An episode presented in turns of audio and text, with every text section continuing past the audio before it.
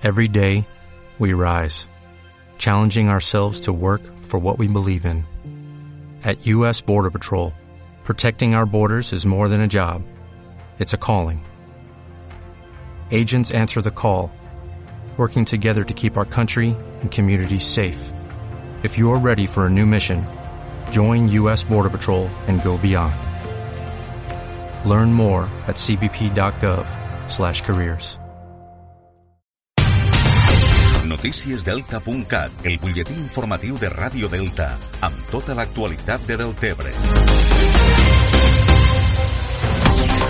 L'Ajuntament de Deltebre va aprovar nit una moció que declara l'emergència climàtica al municipi que recull la necessitat i el compromís d'elaborar en el termini màxim d'un any l'agenda d'acció climàtica de Deltebre que ha de definir les mesures necessàries a emprendre la pròxima dècada per a l'adaptació i mitigació del canvi climàtic a nivell municipal i que recull els acords sorgits de la cimera d'acció climàtica celebrada el passat mes de gener, una agenda que incorporarà també les accions per frenar la regressió de la costa i la subsidència del delta.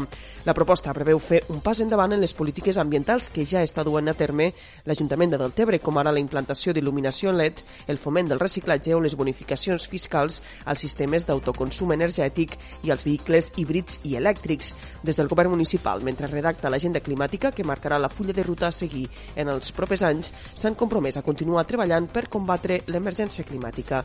Joan Lucas és el regidor de Polítiques Ambientals i Platges. I el nostre compromís es veurà realitzat de manera efectiva en la redacció de l'Agenda 2030 o l'Agenda d'Acció Climàtica de Deltebre i la seva presentació en el termini d'un any. És un document que ens ha de marcar els objectius i els passos a seguir per tal de neutralitzar l'emergència climàtica. No obstant, i a banda d'això, seguirem amb la renovació de l'enllumenat LED als, als carrers i als equipaments municipals, estudiarem la viabilitat d'instal·lacions d'autoconsum i instal·larem punts de recàrrega per a vehicles elèctrics, Continuarem apostant per l'eliminació de plàstics d'un sol ús, sobretot en aquells actes que organitza o col·labora l'Ajuntament, i és per això que fomentarem l'ús de gots reutilitzables en les activitats d'oci. La declaració va rebre el suport dels grups de l'oposició al ple municipal. El regidor d'Esquerra Republicana, Carlos Bel, ha remarcat que és una proposta ambiciosa i necessària. Pensem que és important prendre consciència de, de la fragilitat de l'ecosistema on vivim i fragilitat que han pogut, viu, que han pogut viure de primera mà en, en l'últim temporal Glòria a casa nostra. També pensem que és, és important assumir responsabilitats i convenciment des de les administracions públiques. Eh, tenim que canviar eh, el model productiu i fomentar el, el consum responsable. Per part del PSC de Deltebre, Aleix Ferrer va remarcar també que és una proposta necessària d'acord amb el context actual.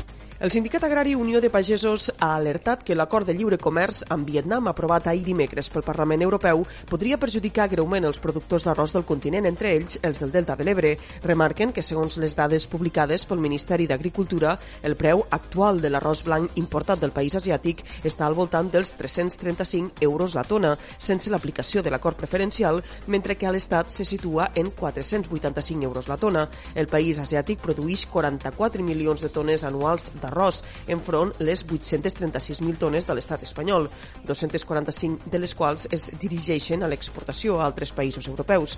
Això detallen posa en risc la producció a la península ibèrica, que durant els últims 20 anys ha perdut ja un 15% que en els últims 20 anys ha perdut ja un 15% de superfície de conreu, passant de 122.000 hectàrees a 103.000. Una quarta part de la superfície d'arròs conreada a la península correspon al Delta de l'Ebre. Més qüestions. La diputada d'Esquerra Republicana, Norma Pujol, va demanar ahir un canvi d'actitud del govern espanyol en les actuacions a fer al Delta de l'Ebre. Ho va fer durant el debat de la proposició no de llei del PSOE sobre els danys provocats per les catàstrofes naturals. Pujol va manifestar al ple del Congrés dels Diputats que la preservació del Delta requereix de solucions integrals i de llarga durada que exigeixen al govern, la Confederació Hidrogràfica de l'Ebre i les hidroelèctriques una gestió diferent de la conca i del tram final del riu, a més d'actuacions immediates i urgents com les que recull la taula de consens pel Delta. La diputada republicana va advertir finalment que els científics recorden que la línia de costa del Delta retrocedeix cada any 15 metres als llocs més sensibles.